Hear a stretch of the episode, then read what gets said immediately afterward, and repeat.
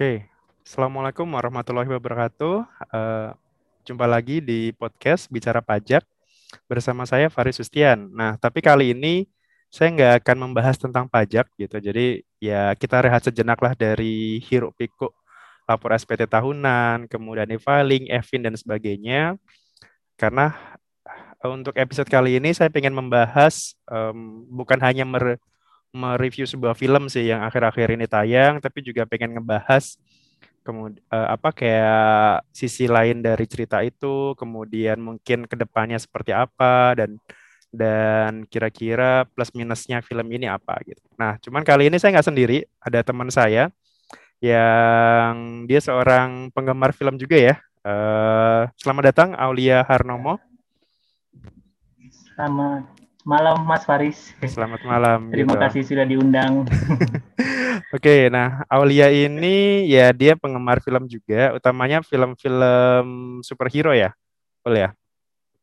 Iya, lebih semua film superhero sih, tapi kebetulan sukanya lebih ke DC. Oh gitu. Nah kebetulan sama nih ya. gitu. Uh, saya juga sebenarnya tim tim DC sebenarnya bukan tim Marvel ya. Cuman ya ya harus kita akui mm -hmm. sih bahwa kalau Marvel ya emang lebih rapi sih ya, lebih lebih rapi dan Betul. Uh, ya harus kita akui lah lebih lebih bagus lah sebagian besar lebih bagus filmnya gitu. Walaupun ada juga yang yeah. ya mungkin menurut aku biasa aja gitu. Nah, uh, kita ngebahas film yang kemarin tayang, uh, Zack Snyder Justice League tentu saja. Film yang mungkin udah kita tunggu-tunggu ya dari berapa tahun yang lalu sebenarnya ya ketika yeah. itu kan itu film pertama, film kan banyak yang bilang itu film parodi ya. yang pertama itu, film parodinya. oh, yang 2017. 2017. 2017, iya. Hmm. itu itu Karena aku nonton. sih filmnya itu. Iya, itu aku nonton udah nunggu-nunggu kan, udah udah ya kebetulan kita tim di tim DC ya gitu. Aku pertama kali kalau tim DC teman aku uh, Superman sebenarnya gitu. Kalau Aulia. Batman ya kalau nggak salah. Batman dong. Batman. Iya Batman. yang membuat menarik dari Batman apa? Kalau ini, karena, kenapa suka Batman uh, gitu? Kalau saya sih karena ini sih dia itu kan cuma manusia biasa ya, mm-hmm. tapi dengan kecerdasannya dan juga teknologinya dia itu bisa uh, apa ya menyaingi dewa-dewa yang lain. Yeah. Contohnya kayak Wonder Woman itu kan dewa, terus mm. Superman tuh udah kayak dianggap Tuhan. Mm. Nah, tapi kekuatan dia ini jadi setara berkat kepintaran dan juga teknologi yang dia punya ini. Jadi menurut saya dia tuh jadi spesial karena dia nggak punya kekuatan super. Mm. Cuma sama hebatnya dengan superhero yang lain. Iya yeah, iya yeah, iya. Yeah. Itu sih yang membuat saya kekuatannya suka. dia ini ya, uh, dia kaya ya kekuatannya. Iya kaya. Iya. Kalau aku sih Dan kebetulan Superman sih, kan? pinter, ya, pinter. Uh, mungkin kalau di Marvel mungkin ya banyak yang ngebandingin itu Iron Man ya. Iya. Iron Man, cuma Iron beda Man beda karakter Amerika, ya. Mungkin. Oh, Captain America. Mm -hmm. Kalau aku sih kebetulan uh, sukanya Superman ya. Ini juga kalau aku bukan bukan sebenarnya bukan seorang komikus juga, maksudnya bukan penggemar komik, nggak baca komik-komik juga, cuman hmm. pertama kali kenal sama Superman itu dulu pas SMA kalau nggak salah, uh, serial Smallville kan waktu hmm. itu ada serial oh, Smallville, iya, ada. Mm -hmm. terus wah kayaknya seru nih gitu, uh, apa Superman muda waktu itu dan kayak ngerasanya cocok gitu loh, Mbak Superman itu kan apa ya? Dia dia tadi kan uh, seorang Tuhan lah gitu istilahnya gitu kan seorang dewa hmm. yang kekuatannya gede gitu. Cuman di balik hmm. semua kekuatannya dia tuh dia cuman dia ternyata ada kelemahan gitu loh. Jadi se se powerful apa pun seseorang gitu, ya dia dia tetap punya sisi sisi manusia kan. Dia punya sisi kelemahan gitu. Jadi itu sih uh, kayak karakter itu yang membuat aku tuh oh ternyata uh, yang membuat aku suka sih gitu. Terus yang nggak tahu kenapa ya ya suka aja waktu itu gitu. Terus yaudah abis itu ngikutin ngikutin serial-serialnya, film-filmnya. Terus pas kemarin tayang yang Man of Steel, Man of Steel-nya itu itu menurut aku sih film apa ya? Film kan banyak yang bilang itu jelek ya gitu. Tapi menurut aku Man of Steel oh, itu ya film bagus sih. Iya kan banyak yang pro kontra kan Man of Steel itu. Cuman kalau bagi aku sih itu masterpiece sih.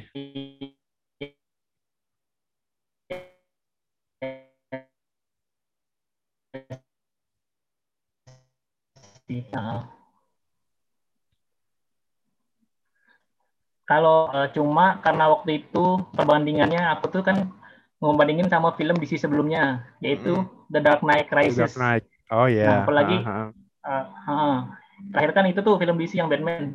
Hmm. Jadi uh, agak sedikit kebanting lah karena aku masih lebih suka filmnya The Dark Knight Rises karena oh. mungkin kalau The Dark Knight Rises itu ada plot twistnya ya yang bikin hmm. apa sih kita jadi wah ternyata kayak gini. Kalau Man of Steel tuh kan uh, dia uh, apa ya linear aja, nggak ada plot twistnya. Plot twistnya. Nah tapi kalau dari segi apa uh, sinematografis itu aku suka karena hmm. Zack Snyder itu kalau soal pengambilan gambar tuh bagus iya banget. Iya sih, uh, pengambilan gambar. Sayangnya terus... di Man of Steel itu ini apa namanya? Saya kurang suka di uh, pengembangan karakter Superman-nya yang kurang digali sih. Hmm. Nah, jadi menurut saya itu agak kurang. Jadi hmm. uh, apa ya? Saat dia di endingnya itu saya nggak menemukan ini apa ya simpati dengan karakter Superman-nya ini. Oh gitu, iya ya. Bahkan, Karena dia juga ngebunuh ya. Betul. Mm-mm. Bahkan di film BVS pun walaupun sudah dua film itu mm-hmm. masih belum dapet sih uh, karakter Superman-nya. Maksudnya emosi yang terbangun tuh kurang. Jadi saat hmm, dia mati pun betul. saya nggak terlalu merasa apa namanya sedih atau gimana ya hmm. biasa aja. Oh, Kalau gitu. pas saya nonton sih kemarin kayak gitu. Oh, oke okay, oke. Okay. Kalau Mas Waris gimana? Kalau aku ya, kalau aku jujur kalau yang Man of Steel itu uh, ini ya, kalau di Dark Knight itu emang itu emang bagus sih. Maksudnya uh, Jokernya juga kan emang itu luar biasa ya. Iya, betul betul. Cuman kalau kalau The Dark Knight itu kalau menurut aku kekurangannya sih emang dari sisi fight-nya sih. Nolan kan dia hmm. dia sutradara yang realis kan gitu. Jadi sama sekali nggak kayak superhero sama sekali gitu. Jadi kayak kayak film film biasa, film detektif biasa kan gitu. Jadi jadi nggak kerasa aura superhero-nya. Jadi pertarungannya pun juga pertarungan biasa kan gitu. Jadi nggak ada sinematografi yang bagus lah gitu dari sisi dari sisi fight-nya sih tapi dari sisi cerita plot twist segala macam sih emang emang ya Nolan terbaik sih gitu terus kalau Man of Steel ya aku sukanya tadi sih uh, apa sinematografinya jelas juara apalagi pas scene-nya pas Clark Kent terbang pertama itu kan dari dari yang di Atla apa uh, Antartika itu ya itu bagus banget terus hmm. Hans Zimmer juga itu scoringnya juga itu udah sampai sekarang tuh iya. scoring ketika kayak terakhir film film yang Zack Snyder itu kan ketika apa mau dibangkitkan Superman yang mau dibangkitkan itu kan ada ada scoringnya Hans Zimmer kan itu apa ya aura-aura superhero-nya aura-aura uh, Superman-nya tuh kelihatan banget sih gitu. Walaupun tadi sih jadi kayak kok Superman malah ngerusak sih gitu. Kok kok Superman mau membunuh membunuh gitu kan. Mungkin itu sih cuman ya uh, makanya kenapa nggak ada Superman 2 gitu loh. Maksudnya kenapa justru dihentikan gitu loh. Di saat yang lain tuh dapat kesempatan kan Wonder Woman dapat kesempatan Aquaman juga nanti dapat kesempatan gitu Batman bahkan beberapa kali gitu kan nah kenapa Superman tuh nggak berani gitu loh gitu kenapa nggak ya. ada Man of Steel 2 uh, atau apa gitu sih sayangnya di situ gitu sebenarnya kayaknya itu salah satu kesalahan Warner Bros sih jadi hmm. seharusnya itu kalau yang pernah saya baca BVS hmm. itu seharusnya menjadi film Man of Steel 2 hmm. nah tapi karena Warner Bros ini buru-buru pengen dapat duit banyak akhirnya hmm. Dia gabungin dua superhero sekaligus Superman, oh, Batman, eh, ya? Batman versus Superman. Padahal hmm. di si Batman ini juga kita belum tahu nih Batman-nya ini seperti apa, belum ada perkenalan kan, belum ada film solonya. Jadi di satu film itu kita dipaksa untuk mengenal Batman yang kita nggak nggak tahu ya, sebelumnya ada. nih. Hmm. Nah, bahkan Batman ini, ini bukan Batman yang seperti di Nolan kan, iya, karakternya iya, beda lagi. Karakternya juga beda. Bahkan uh, Alfrednya pun kalau saya lihat tuh bukan Alfred yang kayak Butler gitu sih, lebih Batman sama Alfred ini lebih kayak partner lah. Iya, team up gitu kan. Ah, Jadi bukan kayak, cuma sekedar pelayan gitu kan. Iya, kayaknya posisi mereka nih kayak setara. Hmm, nah, ditambah kalau BVS itu uh, ini saya penilaian pribadi saya waktu nonton BVS yang versi hmm. teatrikal tuh uh, saya menurut saya itu nggak terlalu bagus ya. Hmm. Uh, dalam arti ceritanya tuh kurang. Hmm. Kecuali saat saya nonton extended itu yang bagus. Hmm. Nah, kekurangannya yang perlu jadi catatan itu ini karena mungkin terlalu banyak cerita yang dimasukin di situ. Hmm. Jadi ada cerita Batman lawan Superman, hmm. lalu tiba-tiba ada Doomsday datang. Doomsday. Terus ada Wonder, ada Wonder ya? Woman. Hmm. ya, terus sedikit apa sedikit piece ada Flash, hmm. Cyborg dan Aquaman sekilas. Hmm. Jadi penonton nih agak-agak bingung sih sebenarnya, apalagi tambah yeah. ada Nightmare Scene itu yang muncul. Mm-hmm. Nah, kalau menurut saya ya, mungkin Snyder ini jadi kewalahan karena banyak cerita yang dimasukin, mm-hmm. jadi nggak fokus ke satu inti cerita mm-hmm. untuk setupnya itu. Yang menurut okay. saya sebenarnya sih nggak masalah selama dia bisa bikin itu menjadi satu cerita yang utuh. Nah, namun ketika saya nonton yang DC versi extendednya itu, mm-hmm. DCS versi extended, Nah itu lebih jelas ceritanya, lebih mm-hmm. apa ya? Uh, masuk akal lah. Oh yeah. ternyata dia udah mengebangun setup seperti ini, seperti ini. Makanya endingnya jadi seperti ini. Superman pun jadi kayak gini itu. Jadi lebih masuk akal sih ketika nonton versi uh, extendednya. Jadi kalau dikasih nilai misalnya di film teatrikalnya versi teatrikal mm-hmm. Saya kasih 6 misalnya. Nah, kalau yang di extended tuh saya kasih 7 lah karena ceritanya jelas. Hmm, nah, gitu. itu dan itu saya juga bingung kenapa di versi eh di versi theatrical tuh ada adegan penting yang dipotong yang seharusnya tuh nggak boleh nggak boleh dihilangkan karena ketika hilang ya udah ngerubah jadinya, cerita ya hmm, ngerubah jadi bingung orang kok jadi gini tiba-tiba iya iya nah sama sih. Jadi ya nah itu kele mungkin kelemahannya Zack Snyder juga ya. Jadi dia harus harus membuat film yang mungkin lama ya. Kayak Watchmen juga kan gitu kan. Watchmen itu tiga iya, jam kan gitu. Dan dan itu emang pace-nya kan emang lambat gitu. Jadi lambat, uh, kalau iya. nggak kalau nggak sabar gitu ya ini apaan sih gitu. Apalagi kan kalau Watchmen itu kan film superhero yang menurut aku tuh aneh kan gitu. Itu iya. itu superhero tapi politik kan gitu bahkan actionnya juga nggak terlalu banyak. Gak ada awal-awal tuh banyak banyak ngomong sih. Kalau yeah. orang yang nggak tahan bosen paling. Iya iya. Itu bukan superhero sih menurut aku. Itu lebih kayak uh, film politik tapi bertopeng gitu. Iya. Iya. Nah uh, tadi kan sudah di tease juga uh, Man of Steel kemudian BVS ya itu sih sayang-sayang aja sih kenapa nggak ada Superman aja sih? Karena menurut aku case-nya tuh udah udah bagus banget kan Henry Cavill itu udah udah cocok banget lah gitu. Itu udah penerusnya Christopher Reeve lah menurut aku gitu. Nah yeah. habis itu ya kita bahas film yang yang yang sekarang yang, yang mau kita bicarakan yang Justice League ini. Nah tadi juga sudah dibahas kan bahwa yang versi 2017 itu kan memang itu tambal sulam ya gitu. Um, pada saat uh, Zack hmm. Snyder udah dengan visi misinya seperti apa sampai nanti Justice League ke 2 dan 3 dan seterusnya. Ternyata habis itu ya putus tengah jalan, habis itu diganti sama uh, apa sutradaranya Avengers. Habis itu ya udah gitu. Uh, apa jadi jadi seperti itu gitu Justice League uh, iya. versi parodi Justice itu kan League, gitu iya. Justice League versi parodi gitu dan, dan aku nggak tahu ya maksudnya pada saat itu aku nonton kan emang excited banget kan gitu. Itu di bioskop waktu itu.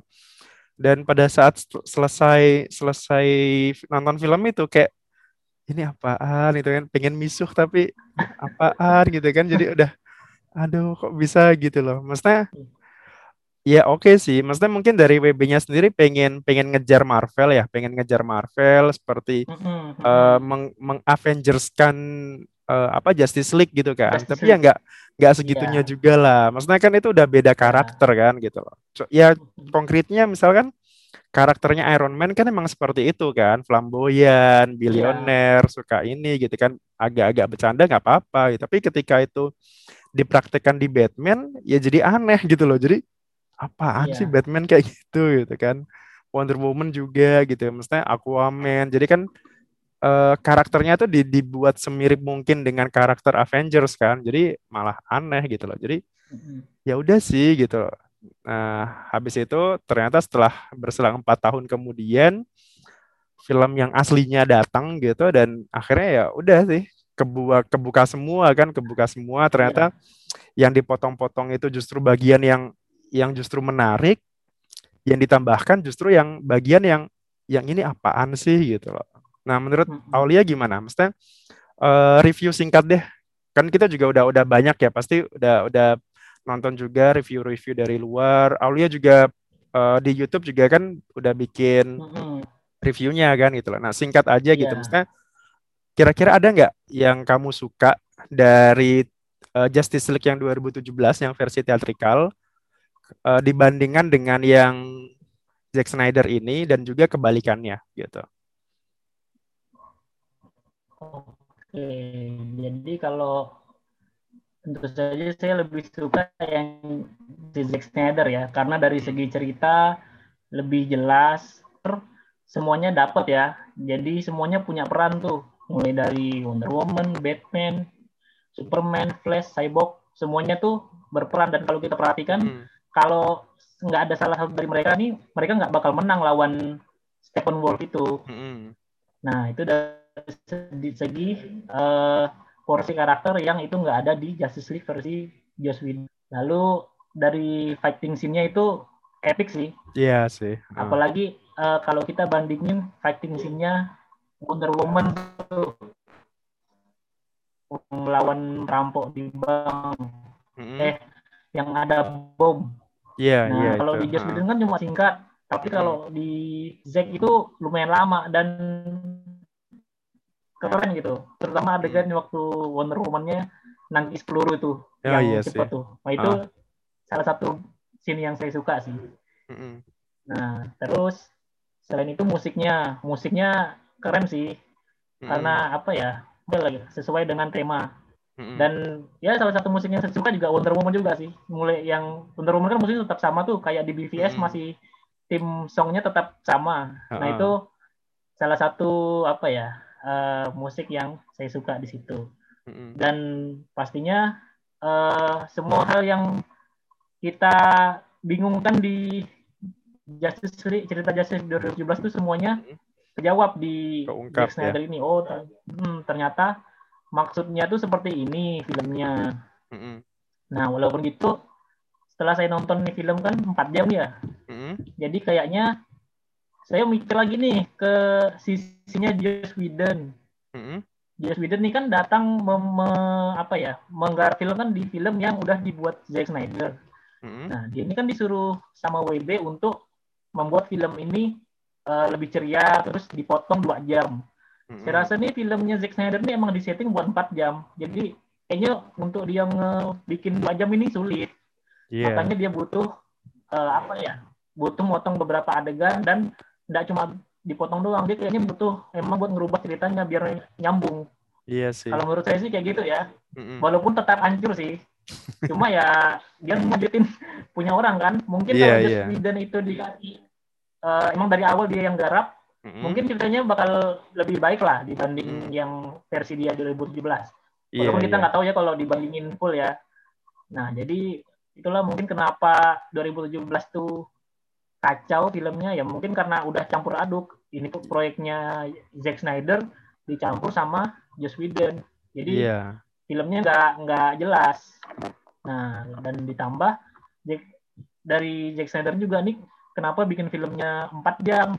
Sedangkan kalau di jam waktu itu kan kalau mau rilis di bioskop bioskop mana yang mau nayangin film sepanjang 4 jam, iya. Nah, agak nggak realistis juga sih. Jadi kalau saya mikir apa ya netral ya. Mm-hmm. Oh masuk akal juga nih Warner Bros mau mau film dua jam. Zaman saat itu gimana mau ngerilis film 4 jam?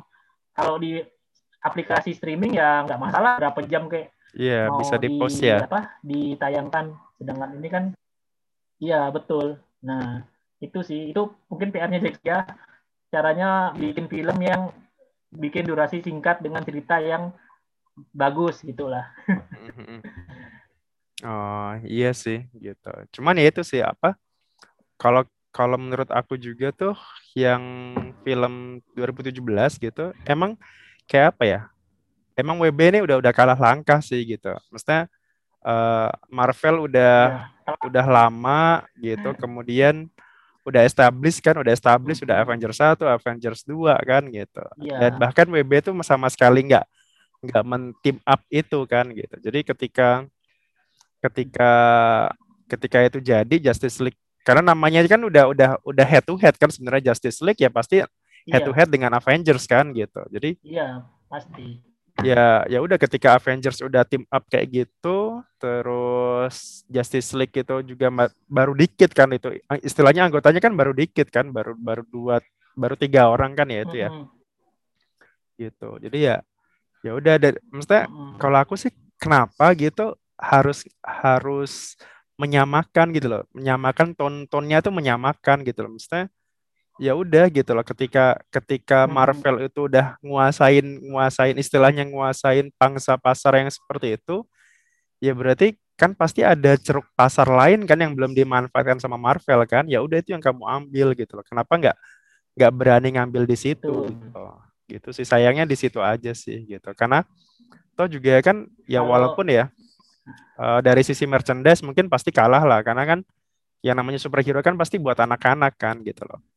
Tapi kan ketika ketika kamu udah bikin film gitu, uh, kalaupun nggak bisa buat anak-anak, yang orang dewasa kan juga ada gitu loh, gitu sih. Iya. Kalau yang pernah aku baca sih ini mas, jadi kenapa Justice League 2017 itu diubah sama Warner hmm. Bros? Karena dia bercermin ke film BVS. Hmm. Jadi di film BVS itu kan banyak nerima kritik lah. Hmm. Nah, walaupun terbagi dua ya, ada yang suka, ada yang nggak suka sama film BVS nih. Hmm. Nah, jadi di di 17 mereka pengen ya tonnya itu lebih fun gitu kayak Avenger. Hmm. Nah, menurut saya ini salah sih. Yang bikin suka saya itu bukan karena tonnya yang dark itu, hmm. tapi karena ceritanya yang emang agak kurang jelas sih makanya yeah, orangnya yeah. makanya orang nggak suka dengan film BVS terutama yang awam ya yang nggak baca komik hmm. soalnya kalau saya perhatiin ya teman-teman yang baca komik itu seneng dia sama film BVS nah mungkin uh, banyak apa ya kayak fan service di hmm. film BVS itu terus banyak apa cerita dari komik yang masuk ke situ. Nah cuman hmm. mungkin bagi para fans komik kan dia udah paham nih karena baca hmm. cerita komik nggak perlu dijelaskan secara detail dia langsung paham jalan ceritanya gimana. Sedangkan kalau orang awam yang mungkin kayak Mas Faris kayak saya yang juga nggak baca komik hmm. kan nggak tahu nih sama sekali gimana ini kok bisa kayak gini ceritanya? Hmm. Apa hubungannya dengan ini? Kok tiba-tiba ada scene ini muncul? Nah itu kita tahu. Makanya oh. uh, mungkin banyak yang review film ini kurang baik ya makanya hmm. Warner Bros juga berimbas ke film berikutnya yang dia pengen filmnya itu uh, dibikin fun aja. Nah, dan dia mengulangi kesalahan sama di film Justice League 2017 ini karena yeah. banyak dipotong-potong akhirnya malah jadi tambah kacau sih. Iya sih. Malah malah filmnya lebih jelek dari Batman vs Superman yang sebelumnya. Mm-hmm. Kalau Batman vs Superman sebelumnya mungkin masih kebantu sama sinematografinya si Zack Snyder. Hmm. Bahkan waktu itu ada yang bandingin mas uh, di opening scene-nya BVS tuh waktu Bruce hmm. apa kota Metropolis hancur yang uh, ada Bruce, hancur. terus uh, dibandingin sama film Man of Steel fightingnya Superman sama Zod. Nah itu hmm. tuh timingnya sama. Hmm. Jadi uh, pas di film Man of the Gedung Hancur hmm. di detik yang sama di film eh sorry di filmnya BVS eh, iya Man of Steel ada gedung hancur di film BVS hmm. juga gedungnya sama sama sama sama hancur dan itu di detik yang sama. Jadi kayak eventnya tuh sama gitu. Oh, iya iya iya. iya. Diatur sama uh, Zack Snyder. Nah, itu hmm. apa namanya di film itu. Nah, cuma ya itu karena story-nya kurang uh, jadi ya kurang inilah kurang disukai sama orang-orang. Padahal sebenarnya kalau versi extended-nya itu bagus sih ceritanya cukup hmm. cukup solid lah tapi karena dipotong sama pihak studio ya yeah. kita kan nggak mau tahu ya kita nontonnya di bioskop tahunya yang versi finalnya kan yang itu yeah. jadi ya kita anggapnya kurang bagus aja mm intinya agak flop lah di pasar. Iya gitu, sih. Iya sih. Uh, apa? Kalau BVS sih emang ya pasti terpecah sih kayak gitu. Kalau aku juga uh, emang emang bener sih tadi kayak terlalu cepat sih. Kenapa nggak uh, ya udah gitu. Um, apa? Pakai formula yang sama dengan Marvel, mestinya bikin karakter-karakter dulu, baru nanti digabungkan gitu kan. Kenapa nggak sabar gitu loh? Mestinya uh, kalau masalah waktu kan ya udah ketah juga apa yang penting nggak berbarengan kan gitu loh. Maksudnya ketika Avengers itu butuh butuh 10 tahun kan gitu loh. Ya udah uh, eh, DC juga kan harusnya butuh waktu yang sama kan gitu loh. Biar dan apa ya? Di, dibandingkan sama Marvel itu kan menurut aku karakter-karakter DC itu kan jauh lebih terkenal ya, jauh lebih populer lah gitu.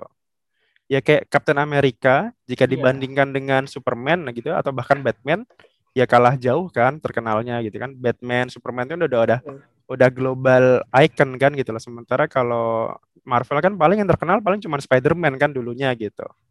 Kalau dari sisi iya. komik ya gitu. Bahkan Iron Man pun dulu gak terkenal. Iya Iron Man itu aku cuma tahunya cuma dari film kartun. Dari situ aja dari dari uh, dari film kartun waktu itu terus pas uh, filmnya oh ternyata bagus ya gitu. Terus ya udah sih.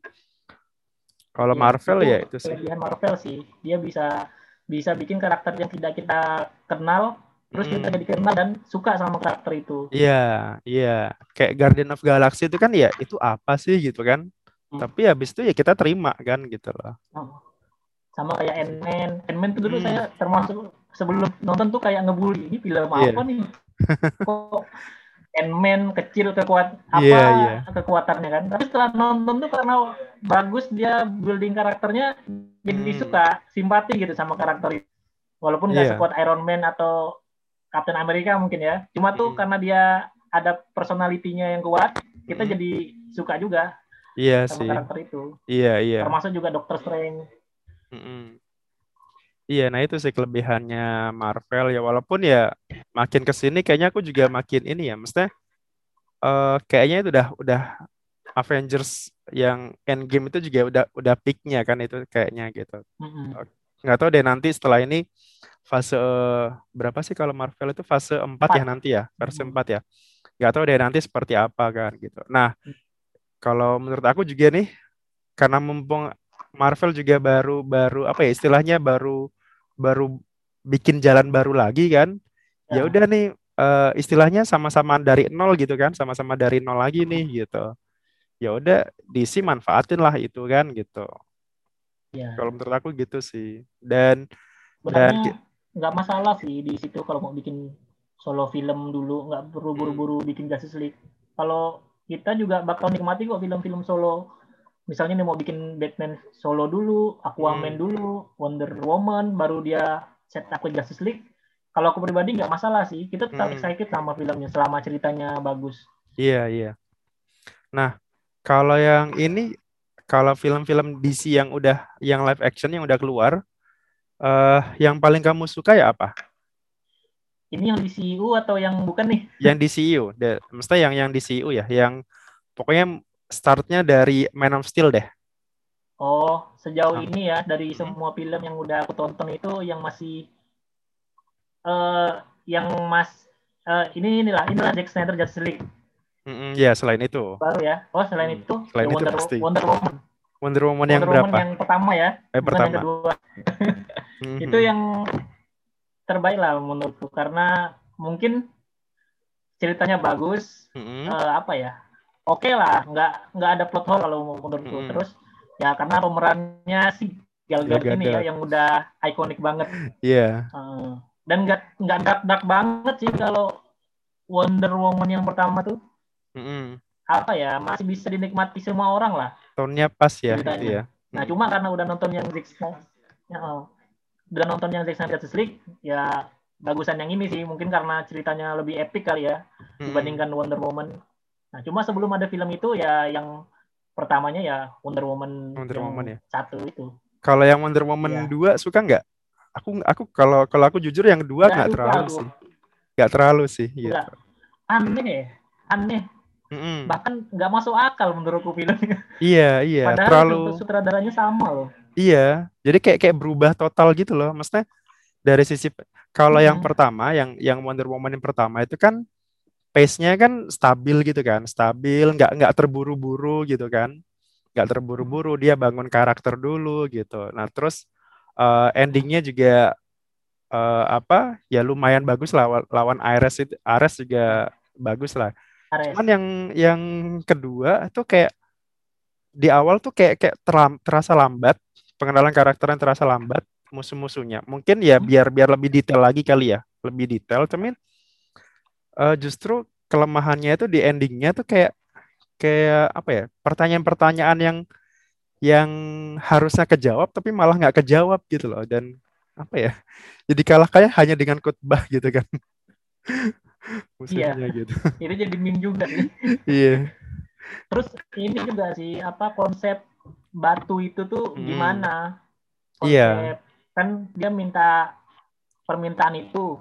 Mm-hmm. ada yang bilang jadi tiap si apa musuhnya ti berharap tuh uh, kan harus mem, apa ya uh, butuh syarat-syarat tertentu nih. Cuma mm-hmm. kayaknya tuh syarat-syarat itu berubah.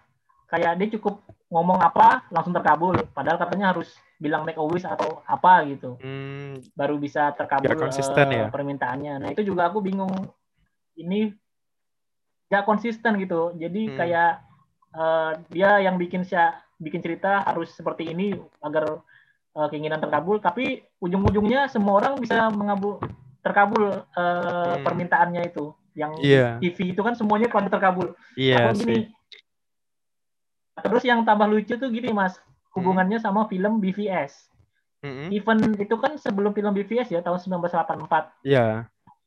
itu kan itu kan chaos ya di dunia di hmm. saat zaman itu ya.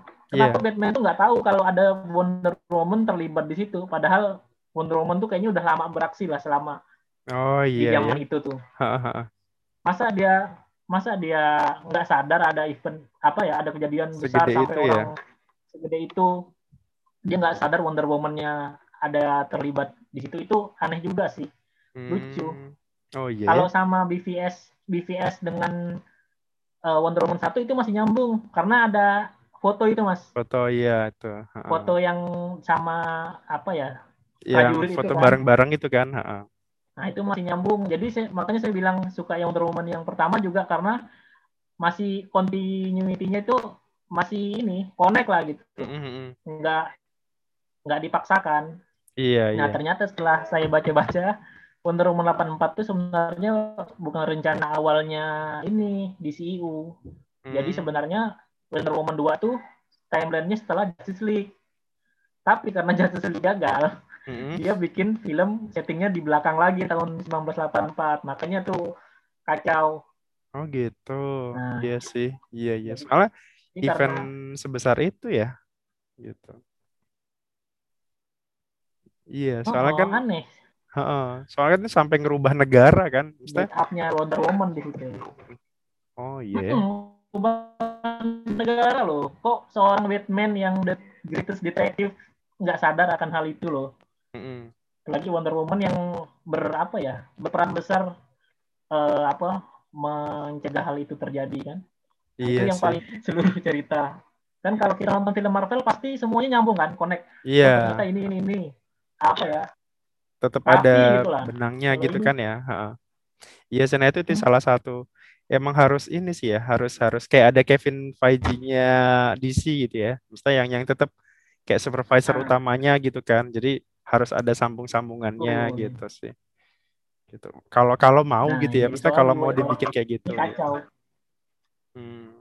Nah, kalau di Warner Bros ada Kevin eh di Marvel uh, apa? Marvel ada Kevin Feige. Uh. kalau di Warner Bros ada Kevin Fujihara.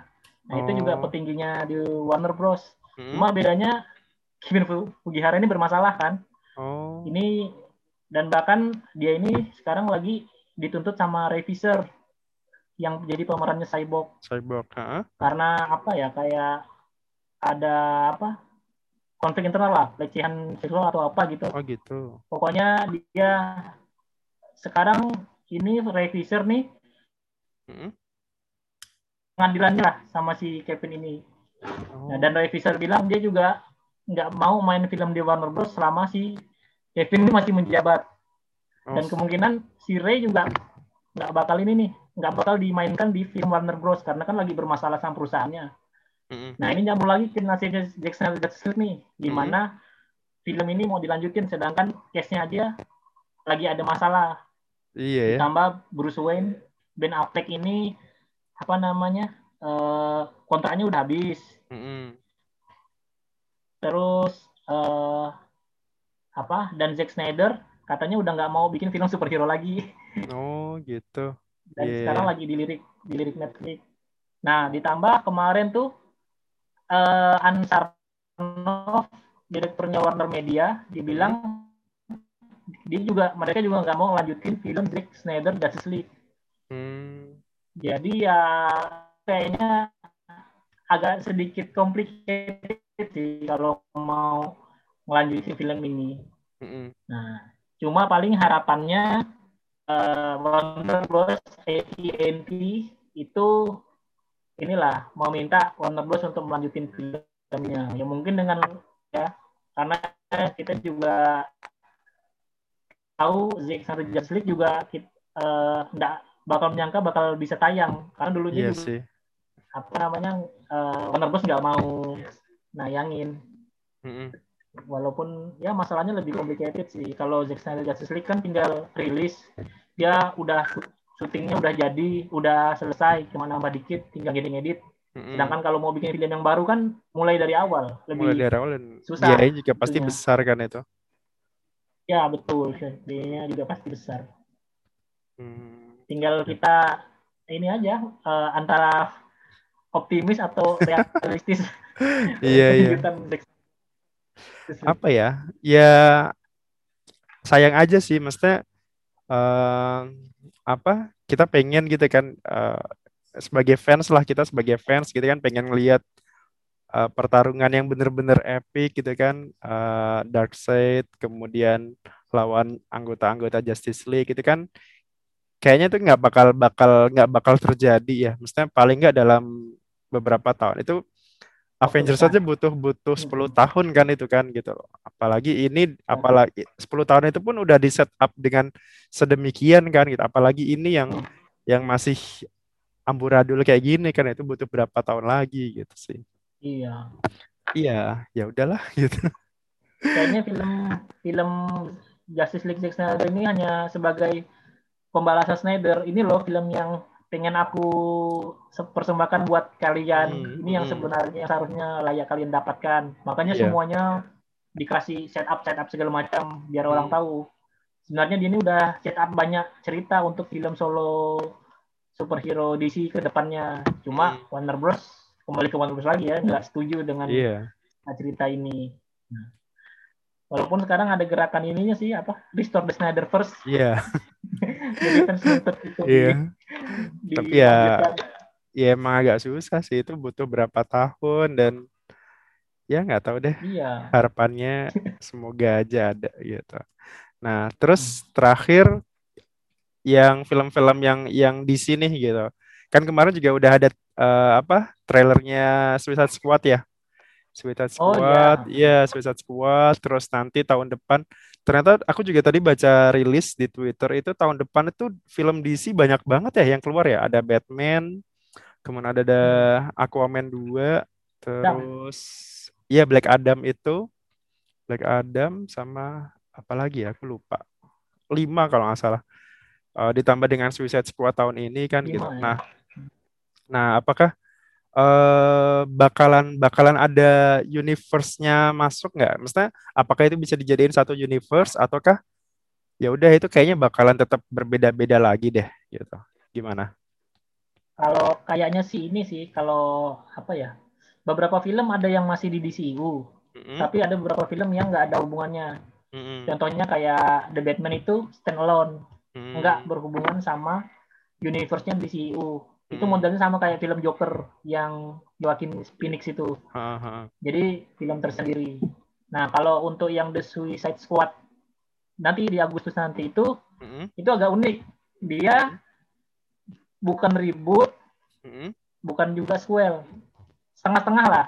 Hmm. Jadi dia masih di bagian timelinenya di CU, hmm. tapi nanti di film itu dia bakal uh, menyinggung event yang ada di Suicide Squad tahun 2016 yang hmm. disutradarai David Ayer. Uh -huh. Jadi kayak dianggap uh, cerita itu tuh nggak ada.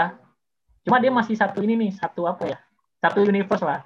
Hmm. Jadi seakan-akan di sini pengen ngeriset ulang ceritanya The Suicide Squad, hmm. tapi dengan uh, apa ya? Cerita yang baru. Cuma pemainnya sama. Pemainnya tetap sama, masih ada Margot Robbie yang jadi Harley Quinn, terus yang uh, jadi Amanda Wallernya Viola Davis. Mm-hmm. Nah, walaupun ada beberapa anggota baru nih di Suicide Squad yang dimasukin. Nah, terus kayak Will Smith itu yang jadi Deadshot mm, uh, nggak ada ya, main lagi. Mm-hmm. Penggantinya Idris Elba. Tapi be- yang itu beda karakter kan ya? Beda karakter itu Bloodsport namanya. Jadi kayak penggantinya Deadshot lah. Mm-hmm. Nah, ternyata juga beda sih. Uh, itu kan yang sutradaranya James Gunn tuh, yang hmm. sutradarai Guardian of Galaxy uh, ya. Guardian of the Galaxy, hmm. ya. Kalau kemarin aku lihat di trailernya sih, kayaknya lumayan menjanjikan sih. Iya. Yeah. Cuma ya tau lah di sini apa ya, kadang trailer tra trailernya yeah. bagus tapi filmnya nggak. Iya itu juga sih, makanya aku juga agak-agak skeptis sih pas kemarin ya lihat trailernya kan gitu. Karena pertama Suicide Squad yang pertama juga itu trailernya bagus banget kan gitu. Bagus banget itu. Ya. Terus pas BOP uh, eh, juga BOP. Iya. Yeah. Uh, Bird of Prey juga gitu. Terus nah itu makanya apalagi ini kan apa ya? Ada campur tangan tanda kutip ada campur tangan Marvel kan di situ kan ada James Gunn gitu kan. Maksudnya takutnya nanti kayak apa sih? Kayak filmnya Guardian of Galaxy tapi versi versi uh, apa versi R versi R ya maksudnya versi sadisnya lah gitu. Takutnya cuman cuman kayak gitu doang gitu loh. Hmm bis kalau tonnya sih iya sih. Kalau tonnya emang tonnya James Gunn sih karena apa ya dia lebih agak ceria dan lucu sih ada humor yang hmm. dimasukin. Nah tapi kalau dari segi ceritanya masih belum tahu nih gimana pembawaannya nih. Kalau dari James Gunn sendiri sih dia bilang nanti uh, saat dia bikin skenario itu dia bilang dia udah baca nih komik-komik Suicide Squad dari uh, edisi pertama sampai yang terakhir. Jadi kemungkinan tema yang bakal dia bawa nih secara umum lah. Jadi tidak bakal menjurus ke beberapa judul komik tertentu. Ya mungkin diharapkan ini bisa uh, membuat apa orang awam yang nggak baca komik ini juga tetap bisa nikmatin film Suicide Squad ini. Hmm, iya. Ya semoga Kalo aja. sih agak unik sih lucu sih karakternya tuh. Iya, ada King Shark gitu kan gitu. Yeah. King Shark. Yang dia sadis tapi agak-agak lucu gitu kan. Konyol. Iya. Ya semoga aja ya harapannya sih ya paling enggak lebih bagus aja lah gitu, lebih bagus daripada film pertama aja udah udah menurut aku udah udah udah bagus sih gitu nggak yang kayak ini. Terus apalagi ya film kalau Black Adam ada ini nggak? Ada ada bocoran kayak apa gitu kan? Itu The Rock kan yang main kan ya? Iya. Setahu aku Black Adam tuh musuhnya Shazam sih. Iya musuhnya Shazam hmm. gitu. Cuma nah. nggak nah, tahu nih ceritanya gimana belum belum baca, iya, baca lagi. iya. Terus kan ya yang main The Rock gitu kan. Maksudnya setahu aku uh, pernah baca itu setiap setiap The Rock itu main gitu, maksudnya setiap setiap film yang diperankan oleh The Rock itu kan uh, istilahnya The Rock tuh nggak mau kalah gitu lah gitu. Jadi bener-bener ketika jadi di di kontraknya di setiap kontrak yang The Rock mainkan itu pasti dia itu harus jadi persona yang yang yang kuat banget, yang yang charming, yang yang nggak ada cacat lah istilahnya gitu sih gitu. Makanya nanti hmm. gimana nih nanti Black Adam padahal kan Black Adam itu sebenarnya penjahat kan gitu. Hmm. Gitu sih. Cuman itu masih lama ya. Terus aku juga nantiin Batman sih, Batman yang Pattinson itu yeah. kira-kira bakalan kayak gimana nih? Aku lihat trailernya kan itu gelap banget kan itu. Maksudnya yeah. kayak kayak gelapnya tuh kayak Joker gitu loh, Jokernya Joaquin Phoenix kan itu. Jadi ini bakalan kayak gimana nih gitu. Menarik sih kalau kalau kalau aku sih jujur kalau dari film-film DC yang yang kira-kira uh, aku tunggu ya paling yang tadi sih yang The Batman sih. Karena kan itu kayak kayak istilahnya uh, bisa nggak uh, Pattinson main superhero kan Batman gitu kan sebelumnya pakai vampir kan itu ini yeah. sekarang jadi jadi apa uh, jadi kelelawar gitu gitu sih kan waktu Bat The, uh, The Batman diumumkan pemerannya Robert Pattinson kan hmm. banyak pro kontra nih. Hmm. Nah, Mas Waris kemarin masuk tim yang mana? Kalau aku sih yang hmm, Aku tim tim apa ya? Tim netral sih, bukan aku nggak nggak nggak dukung juga. Ya, uh, aku yakin sih kalau Pattinson itu bagus sih. Maksudnya kan karena kita Pattinson itu pasti uh, kita ngayalnya di Twilight terus kan gitu. Padahal di film-film hmm. lain Pattinson juga bagus mainnya gitu loh. Jadi yeah. Ya. uh, aku lihat juga di trailernya. Uh, kalau aku sih setuju ya. Maksudnya aku lebih uh, setuju nggak masalah uh, Batman karena menurut aku Batman itu bisa diperankan oleh siapa pun sih gitu. Gitu. Yang penting karakter Batman itu tetap ada gitu. Jadi uh, orangnya boleh ganti-ganti tapi hmm. tetap karakternya itu tetap seperti itu gitu loh. Yang felt itu kan ketika Batman jadi karakter yang lucu kan itu itu aneh sih. Kayak dulu yang George Clooney itu itu kan aneh banget kan Batman tapi malah lucu-lucuan kan gitu. Iya. Gitu ya itu sih itu itu kalau kalau apa yang udah ready ya, sih aku sama juga sih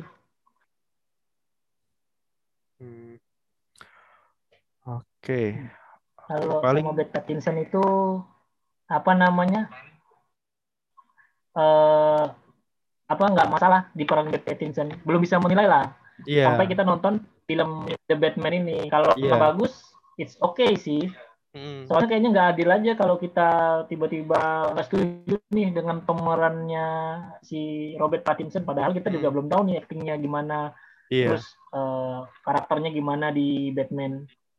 Soalnya waktu Ben Affleck jadi Batman juga banyak, yang nggak setuju, setuju juga, juga ya. Iya Tapi sih. pas dia udah, hmm, pas dia udah main, oh banyak yang suka. Termasuk iya aku sih. juga kalau si Batman sukanya Ben Affleck sih dibandingkan Christian Bale. Walaupun aku dari film aku suka Dark Knight. Ya? Hmm. Tapi, tapi kalau dari segi karakter tuh lebih dapetnya Batman-nya tuh si Ben Affleck. Oh gitu. Kenapa Apa itu? Namanya? Mungkin dari pembawaannya ya, badannya itu kan gede gitu ya, hmm. kekar kan. Nah, terus karisma itu dapet, lebih dapet lah. Hmm. Apalagi kemarin nonton Jack Snyder Justice League kan, habis hmm. itu aku nonton The Dark Knight nih, nonton ulang. Hmm. Terus beda gitu kok kayak gini ya band band nih. Padahal dulu pas aku nonton Christian Bale keren keren aja. Mm-hmm. pas nonton Jack Snyder Justice League ngeliat Batman nih jadi ngeliat yang versi Christian Bale jadi kayak cemen. Iya yes, Padahal sebelumnya aku suka-suka aja gitu. Uh, karena ada perbandingannya. Hmm, iya sih itu pasti jadi jadi pembanding sih gitu. Hmm. Oke deh. Oke deh kayaknya udah udah mau sejam ya. Gitu. Oh iya ya, nggak kerasa. iya iya. Soalnya emang emang seru sih kalau kita ngobrolin film gitu, terus apa? Ya meninggalkan sejenak rutinitas kita lah gitu. Apalagi ya, ini karena bicara, ini masih bicara pajak ya. Jadi tetap ada pesan sedikit lah gitu. Jadi jangan lupa, ini bentar lagi udah akhir Maret gitu. Jadi ya bagi yang belum lapor SPT tahunan ya tetap harus lapor ya segera lapor aja untuk yang orang pribadi. Tapi kalau untuk yang badan masih bisa ditunggu lagi, masih bisa sebulan lagi sih. Tapi intinya ya uh, lapor pajak itu sesegera mungkin aja deh gitu. Terus untuk Aulia makasih banget udah apa ya udah sharing-sharing info-infonya tentang khususnya film-film DC ya gitu. Khususnya film-film DC ya. terus uh, ya semoga apa ya uh, kalau aku sih nggak muluk-muluk ya tetap paling tidak ada film DC aja aku sih tetap berharap bakal ada Man of Steel 2 sih gitu aku tetap berharap itu sih uh, nggak ada Justice League kedua ketiga tuh nggak apa-apa sih tapi paling tidak kasihlah kesempatan Man of Steel 2 itu udah apa ya karena tadi sih kayak kayak setiap kali Superman muncul itu kayak karakternya tadi bener karakternya belum digali dan